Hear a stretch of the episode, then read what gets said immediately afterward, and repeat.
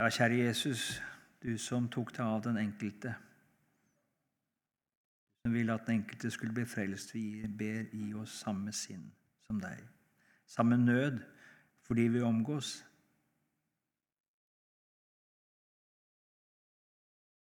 Du var ikke opptatt av å bli godt likt, du var ikke opptatt av at de skulle synes som deg, men du var opptatt av at de skulle bli frelst. Gi oss den samme nød, den samme kjærlighet. Amen. Sjelesørgeren. Hvem? Hvem kan være sjelesørger? Jo, den som skal lede andre på veien til himmelen. Han må selv kjenne Jesus og selv være på vei til himmelen. En blind kan ikke lede en blind, sier Jesus. Så det er en grunnleggende forutsetning som ikke embete eller utdannelse kan erstatte. Du kan ikke utdanne deg. Du kan ikke få en stilling, og så er du Det er jo mange sant, som har vært prester og som tenker at ja, da har jeg et embete. Ja, men er du ikke omvendt? Er du ikke født på ny? Kjenner du ikke veien til himmelen, så kan du ikke lede andre dit. Guds profeter de fikk Guds ord. Og Av og til står det det at det ta, ikke sant? de tok Guds ord, og så åt de det. Hva betyr det? Jo, det skulle bli deres eget. De skulle altså selv ta det til seg. Det skulle selv gå inn i deres eget liv og bli deres eget. Og så skulle de forkynne det videre. Og Det er viktig at sånn må også en kristen sjelesørger selv ha tatt til seg det ord personlig som han skal gi til andre. Uten det så vil han ikke kunne hjelpe kan bare forstås åndelig, som står det i første Korinterbrev. Et, et sjelelig menneske forstår det ikke. Et menneske uten Guds ånd kan ikke forstå det, og kan derfor heller ikke gi de rette råd. Men kjenner ikke veien. Og så er det slik at Enhver dag som lever med Jesus, han er et sendebud i Kristi sted. Det er ikke bare misjonærens og predikantens og prestens sak, men det er enhver kristens sak å øve sjelesorg i møte med mennesker. Og Der ofte en som har et embete, har stått maktesløs, så kan en enkel kristen få lov til å gi det ord. Interessant å lese om Lestadius. ikke sant? Det var ei ung kristen kvinne som fikk være en hand til hjelp. Sånn var det også for Rosenius. Og Det altså var ikke embetsbrødre, men det var altså enkle troende som hadde innsikt i frelsens vei, og som fikk være til hjelp. Og sånn er det. Men den som skal være til hjelp, han må også selv leve i lønnkammeret, selv leve i et personlig liv med Jesus daglig. Det hjertet flyter over av det taler munnen, og så blir det mye tale om alt mulig annet hvis hjertet er opptatt av det. Det er lite å bære fram fra det gode forråd hvis man ikke har vært i lønnkammeret. Og Sann sjelesorg er altså ikke en menneskelig evne. Det er ikke en, det er ikke en spesiell ja, noe jeg kan trene meg opp til, men det er en gave, en nådegave. Og det gis i livssamfunnet med Jesus til den fattige og hjelpeløse. All vår dulighet, den er av Gud. Der får du de ord i lønnkammeret, i livssamfunnet med Jesus. Gjennom ditt eget erfaringsliv med Jesus så får du ord i rette tid det som du trenger å gi, ikke minst ut fra den trøst du selv har fått, den erfaring du selv har i livet med Jesus, så kan du få sette ord på det som den som kommer til deg, trenger. Og Der hvor denne fornyelsen uteblir, der blir det bare floskler. Der blir det bare eh, lærte gloser som man gir, rutine, og så mister det sin kraft. Du blir bare en lydende malm og en klingende bjelle.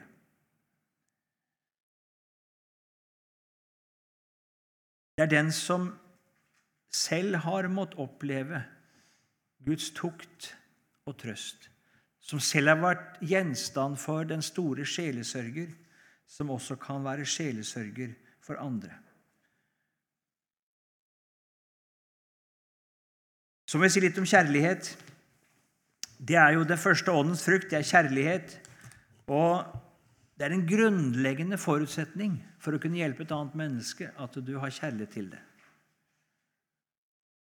Uten det så vil ordene ellers bli uten frukt. Det vil også den som søker sjelesorg, fort merke om den som er sjelesørger, bryr seg, om den har den andres vel. Jeg husker som ung Jeg har si litt om det, hva kjærlighet er. Jeg var på leiting på mange måter. Jeg var spørrende. Jeg var kanskje litt vanskelig, litt kverulantisk, jeg vet ikke, men jeg, jeg stilte ofte spørsmål til ungdomsledere. Noen snakka meg til munnen. Noen ga meg de svara de trodde jeg ville ha.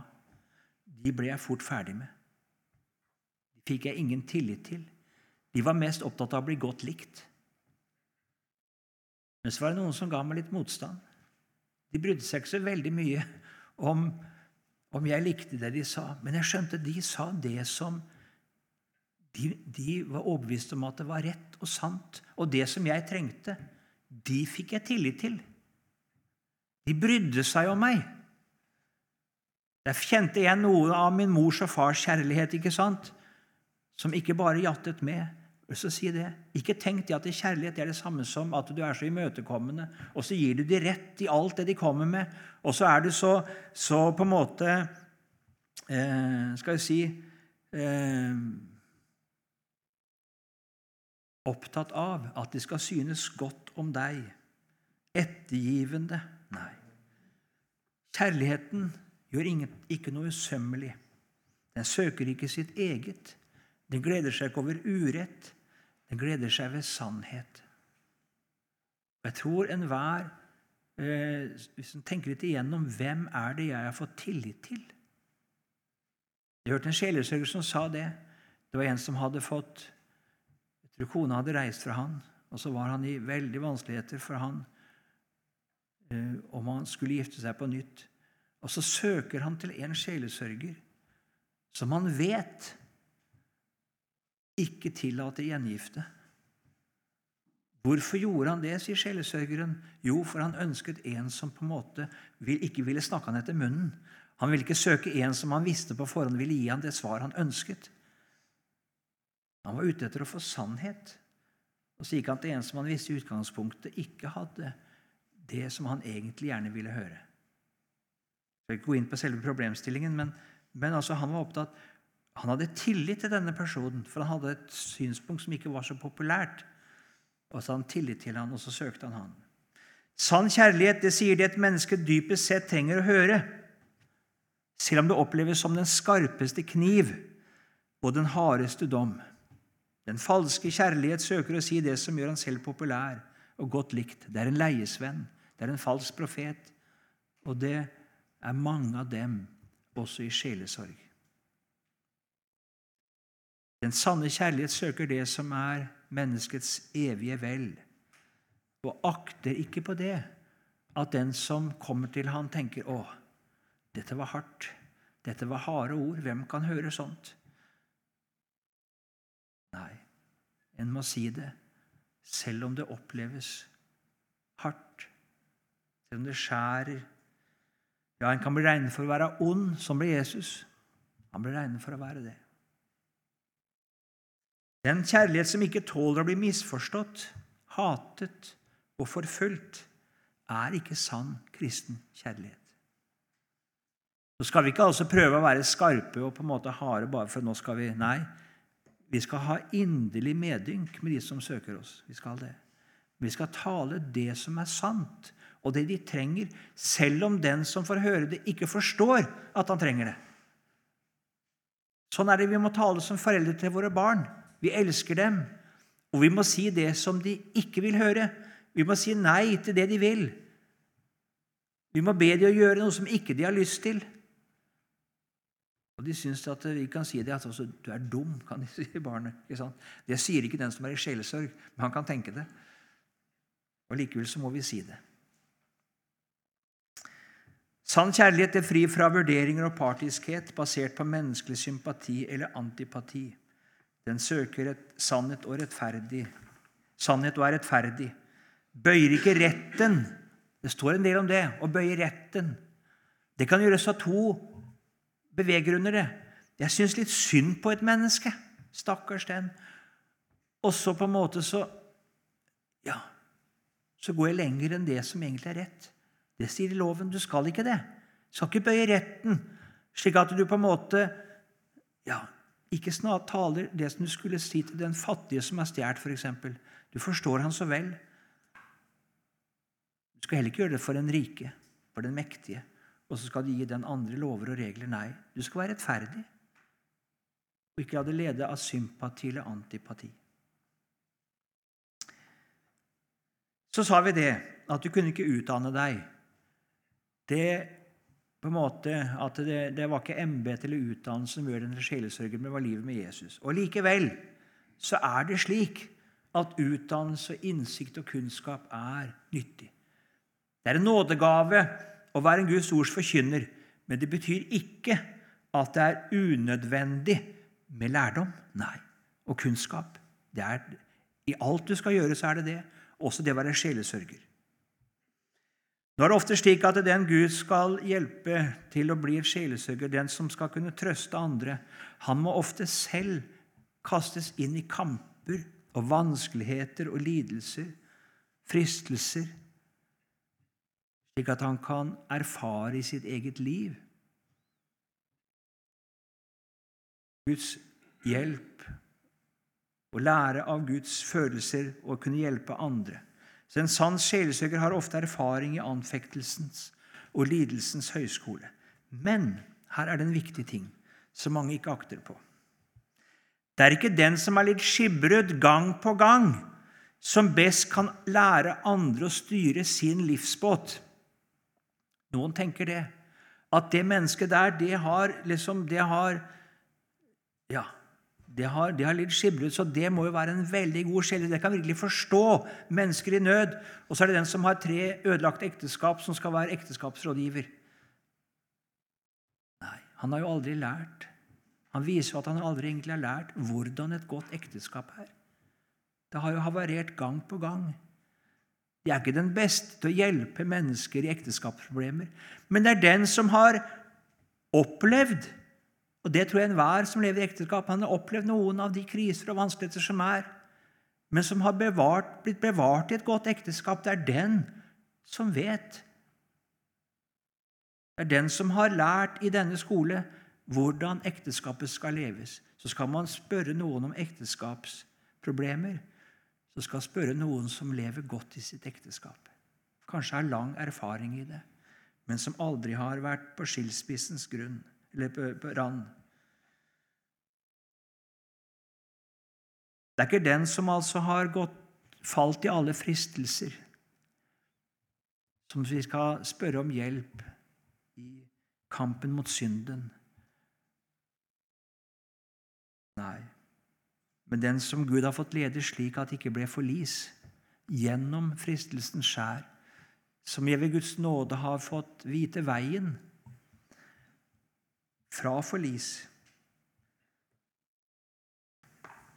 Jeg tror enhver kristen vet hva fristelse er, vet hva synd er. Og Det er ikke det at man ikke har falt i synd, men den som har blitt bevart likevel fra forlis, altså åndelig forlis, den som har erfart Guds nåde, og som, har fått se, og som ser sant på seg selv og sin egen svakhet, han kan ha medfølelse med den som er falt. Han kan det, Selv om han ikke selv har falt. Jeg vet ikke om det er alltid slik at det er de som har vært ute i rusens vanskeligheter, er de som først og fremst kan hjelpe andre med rus. Jeg vet ikke det. Og Sånn tror jeg det er på mange områder. Vi skal være varsomme, kanskje, med å søke hjelp der. En vil ha så stor forståelse at man kanskje mer er, kan sette seg inn, men så har man kanskje vist at man har ikke den evne til å, på en måte, til å kunne kjenne den rette vei i problemet. Nå er ingen av oss dugelige til å være sjelesørger, ikke sånn. Vi trenger Den hellige ånds utrustning og nådegave. Og det skal være oss bevisst at her er det noen som har en særlig gave. Det er det. Det er noen som på en særlig måte får være til hjelp i sjelesorg. Det skal vi glede oss over. Vi skal ikke misunne det, men vi skal glede oss over det. At det er noen som virkelig får være til hjelp her. litt om eh, hva som er avgjørende for utøvelsen av sjelesorgen. Det første vi skal se på, da, er kontakt med mennesker.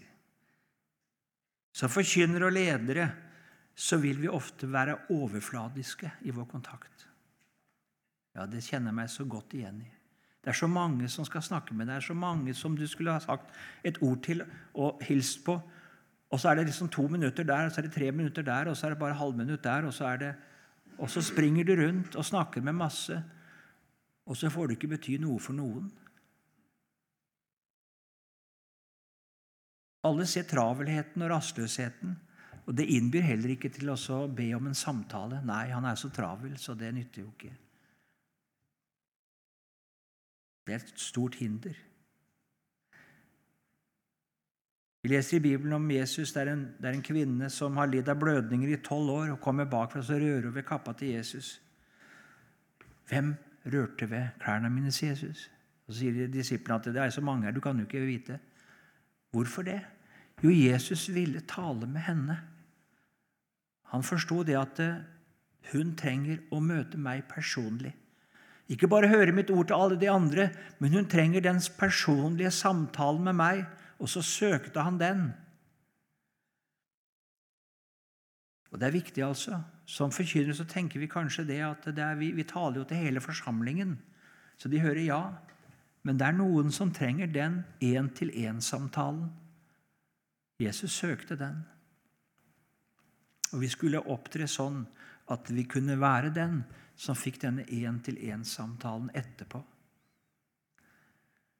Det er mye bedre, sier Høk, ved alvorlig arbeid å sørge for, å få, sørge for få sjeler enn løselig å beskjeftige seg med mange. Sett deg ned med de menneskene du omgås. Interesser deg for dem. Det er så lett vi snakker om vårt og hva vi holder på med, og folk kan være interessert i det. Men vis interesse for den andre, hva den holder på med. Det skaper kontakt, det åpner for samtale. Og så skal vi huske det. Det er også vi som er predikanter. Vi er altfor glad i å høre vår egen stemme. Vi skal alltid ha noe å gi, vi skal alltid ha noe å lære bort. vi skal alltid ha noe... Og så hører vi ikke etter, og så interesserer vi oss ikke, men vi bare sitter og prater om vårt. Jeg taler til meg selv nå. Da blir det ingen samtale, det blir enetale. Nå kan samtalen begynne med hva som helst. Det kan, eh, du sitter på et tog, ikke sant, på et fly, eller du møter et menneske, en nabo. Men du har et ansvar, og jeg har et ansvar. for å prøve å lede den samtalen inn på noe som er dypere. Den kontakten jeg får, den kan jeg bruke som en plattform. Det er ikke sånn at vi kanskje skal naboen er det første vi skal gjøre. altså. Men når vi har snakket med han noen ganger, og så er det et eller annet, og så har vi anledning til en dypere samtale. Vi er sendebud i Kristi, det er kalt til det. Og Der kontakten er oppnådd, der du har det, så det, ligger det til rette. Og så kan vi oppleve det at den andre åpner seg, begynner å fortelle litt om seg sjøl, søker råd eller hjelp. Og da er det viktig at vi tar oss tid til å høre. Og jeg sier om meg sjøl jeg er altfor snar til å komme med råd. Altfor snar. Har altfor lite tid til å høre. Og her trenges det å ta tid. Og Det er viktig at de andre merker det, at du har tid. Og så er det viktig nå i sjelesorg, som i all, altså også forkynnelse og alt altså, Det er ikke så viktig det er ikke det at du skal fortelle den andre hva du vet, og du kan gi han et råd, og så skal han bare stole på deg. Det er så uendelig viktig at den som kommer, selv kommer til innsikt. Og Derfor er det veldig viktig at den andre setter ord.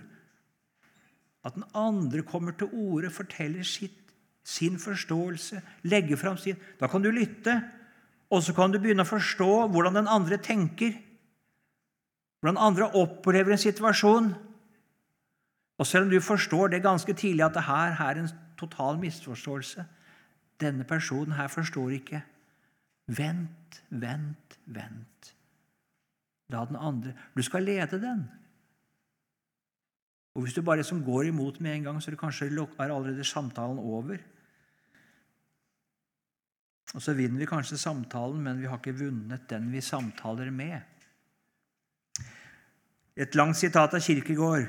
Hvis det i sannhet skal lykkes å føre et menneske hen til et bestemt sted, må man først og fremst passe på å finne ham der hvor han er, og begynne der. Dette er hemmeligheten i all hjelpekunst. Enhver der ikke kan det, er selv i innbilning når han mener å kunne hjelpe andre. For i sannhet å kunne hjelpe en annen må jeg forstå mer enn han, men dog vel først og fremst forstå det han forstår. Når jeg ikke gjør det, så hjelper min merforståelse han slett ikke. Vil jeg likevel gjøre min merforståelse gjeldende, så er det fordi jeg er forfengelig eller stolt, så jeg i grunnen i stedet for å gagne ham egentlig vil beundres av han. Men all sann hjelpekunst begynner med en ydmykelse. Hjelperen må først ydmyke seg under den han vil hjelpe, og derved forstå at det å hjelpe ikke er å beherske, men det å tjene. At det å hjelpe ikke er å være den herskesykeste, men den tålmodigste.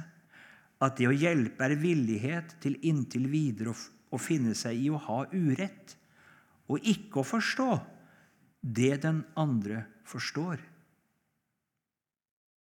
Altså Veldig kort altså i samtalen. En kommer til deg ikke sant, med et problem, med et eller annet. Og så er du spørrende. Det er akkurat som du ikke helt forstår. Altså du, og, du, og, den vil, og Det gjør at den andre åpner seg. ikke sant? Han får forklare, han får legge ut og komme med det han forstår, selv om jeg helt umiddelbart skjønner at denne her er feil. Er et, er, denne forstår ikke seg selv eller problemet. Men jeg skal altså opptre i samtalen på mange måter med ydmykelsen, altså. At den andre skal forklare for meg og hjelpe meg, lære meg stille seg der. Og først da, når jeg har forstått det den andre forstår, forstått hvordan han tenker, hvordan en ser det, så kan jeg ta han ved hånden og lede han.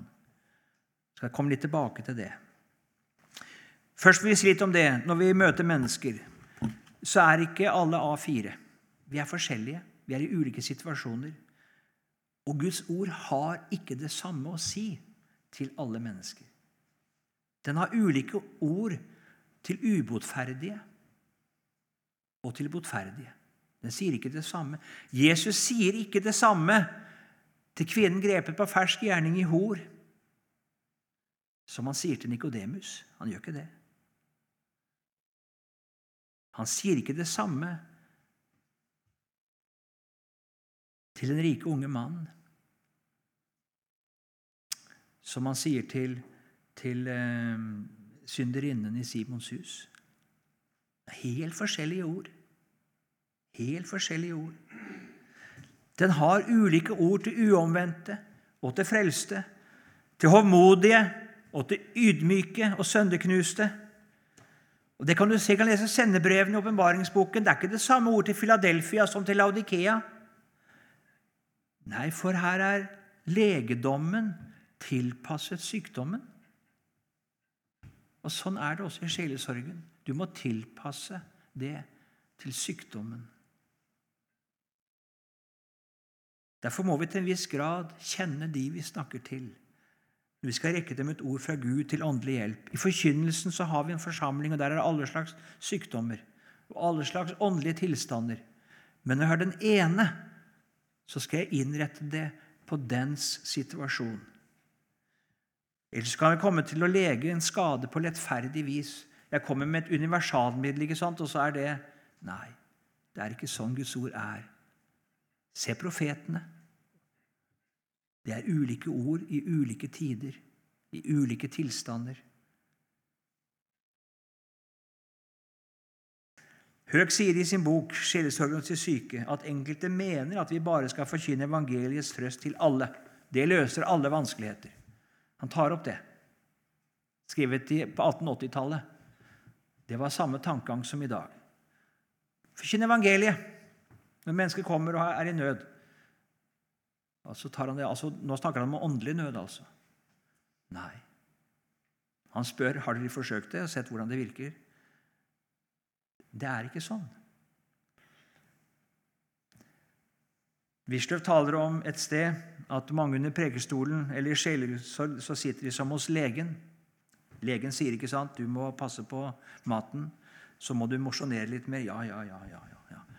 Men han venter egentlig bare på å få en tablett. Man har på forhånd bestemt seg på hva man trenger, og så er det det man vil høre. Så hører man egentlig ikke etter. En lettvint løsning som ikke koster meg noe. En vil høre at alt er i orden. Ja, du er en god kristen. Selvfølgelig har du rett i den saken der. Det er det man søker, og det er det man vil høre. Vi skal være fryktelig varsomme i sjelesorgen og si noe vi ikke vil ha dekning for. Vi har ikke samme hjertekunnskap som Jesus. Han kan si 'din tro har frelst deg'. Han kjente hjertet. Han kan si det med en sånn overbevisning. Han kunne også tale veldig skarpe ord til noen som vi kanskje ikke kunne gjøre det med det samme, for vi kjenner ikke hjertet. Vi skal mer lytte enn tale til å begynne med.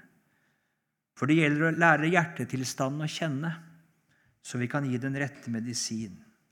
Det er ikke alle som sagt som skal høre ordene til Philadelphia. Noen skal høre ordene til Efesus eller Laudikea. Og det er vanskeligheten da når et menneske kommer, så kommer det ikke alltid med det som er selve problemet. Hva som egentlig tynger dem. Kanskje er de ikke selv klar over det heller, hvorfor det, hvorfor det er vanskelig. Kanskje vil de ikke fortelle det med en gang. De vil ikke åpne seg. Og så snakker de om noe annet enn det som er saken. Vi skal være oss bevisste det at hvert menneske er en løgner. Ikke bare bevisst, altså. Ikke bare overfor Gud, overfor oss, men også overfor seg selv er mennesket en løgner. Selvbedraget ligger oss så nær. Og det havner vi lett i. Det mangler hos de fleste, hos deg og meg også, mye på selvinnsikt og selverkjennelse. Så vi skal ikke tenke det at det som den som kommer til oss, legger fram i første omgang, at det er det som er en sann og rett beskrivelse av virkeligheten. Vi skal ikke gi uttrykk for det. Ja, Er det noe helt sikkert det er sånn, da? Nei, vi skal ikke det. Vi skal lytte og søke først altså forstå det han forstår. Prøv å gripe det. Eh, og gjør vi ikke det, så hjelper som sagt vår merforståelse han slett ikke. La oss lytte. Den som samtaler med oss, får øse ut det som ligger på hjertet. Mest mulig uten inngrep fra oss. Og så kan vi etter hvert stille spørsmål. Tenk deg den som kommer og forteller om hvordan det er i ekteskapet. Det er så fryktelig, og, og mannen er sånn og sånn. Også. Ja. ja, og så spør vi kanskje da etter en hørt lenge ikke sant, åssen er du mot mannen din? Åssen er forholdet til barna? Altså Vi stiller noen andre spørsmål. Og så får vi kanskje i samtalen et litt større bilde, litt bedre bilde. Så ser vi kanskje det var nok. Ja, ja, det er nok kanskje noe med mannen, men det er kanskje noe annet her òg. Så kan vi hjelpe den ved spørsmål, så kan vi hjelpe den vi snakker med, til et dypere perspektiv. Vi er ofte fokusert på de andre når vi har problemer. Og så skal vi hjelpe dem til å snu speilet litt. Hva med meg?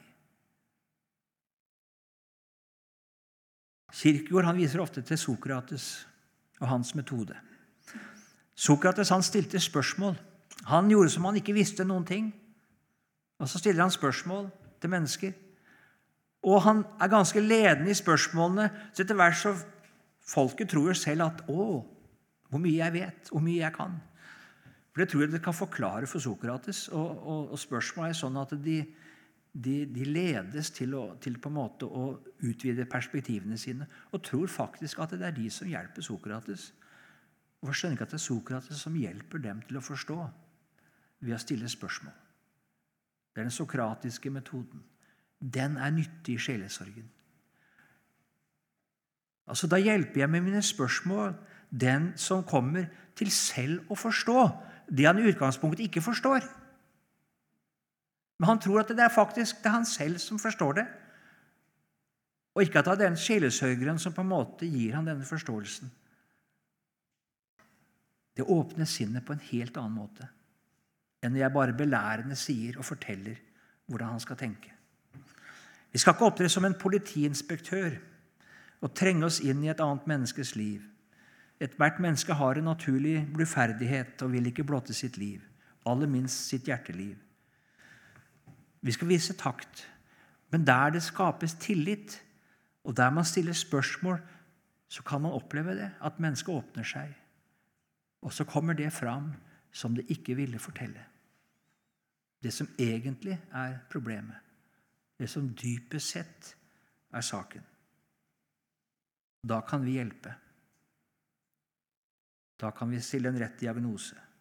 Så jeg å si det. Selv om dette er utgangspunktet, så er det slik, og det sier vi i Skriften, at av og til så er det på sin plass å konfrontere den som søker sjelesorg. Vi vet noe, vi forstår noe, og den som søker sjelesorg, skjuler det, enten bevisst eller er seg ikke det bevisst, og så må jeg peke på det. Jeg må opptre som Natan overfor David, ikke sant? David ville aldri fortelle åpent. Han går indirekte til vei, skal komme litt tilbake til det en senere time. Med en fortelling om en annen, og så er det 'du er mannen'. Det er deg. Eller som overfor Ananias og Safira Peter. ikke sant? Han vet om noe som disse ikke vil fortelle. Men det er avgjørende viktig at det blir sagt. Så noen ganger så må vi det. Ikke vente på det. Men Gud, vi skal se det seinere med Adam. ikke sant? Hvor? Hvor er du? Det er ikke rett på å ta Adam, men han vil at Adam skal fortelle. Og Det er så viktig for sannheten i hjertets innerste at det kommer personlig, at en bekjenner det. Sjelesorg er ofte en usynlig kamp, ikke med den som søker sjelesorg. Og jeg har lyst å si det. Du kan oppleve noen i sjelesorg som er ganske bitre, som er ganske sinte, som er ganske i opposisjon. Du har aldri en kamp med dem. Du skal aldri seire over dem. Vi har ikke kamp mot kjøtt og blod. Husk det. Vi skal ikke seire over dem. Vi skal vinne dem. Det er noe annet enn seire. Vi har et kamp mot Satan, som holder mennesket fanget i løgn, synd og bedrag. En kamp mot kjødet, som ikke vil korsfestes og dø. Og Det er uendelig viktig altså at ikke vi kjemper mot det mennesket som sitter foran oss. Vi har ingen kamp med det. Søker å kjempe for det i bønnen, og søker å kjempe med det og hjelpe det til å bli løst ifra det som det er bundet under. Vi skal ikke seire over dem. Ja, kunnskap. For å forstå et annet menneske så må vi altså som sagt ikke minst forstå det som den andre selv ikke forstår. Og Da trenger vi kunnskap. Vi trenger mer kunnskap enn den som søker hjelp skal jeg forstå det den ikke forstår, og kunne lede den til det. Da trenger jeg menneskekunnskap, ikke bare den som den psykologiske vitenskap gir oss, og som vår personlige erfaring kan gi oss. Den er nyttig. Jeg har lyst til å si det. Veldig nyttig. Ikke minst erfaringen.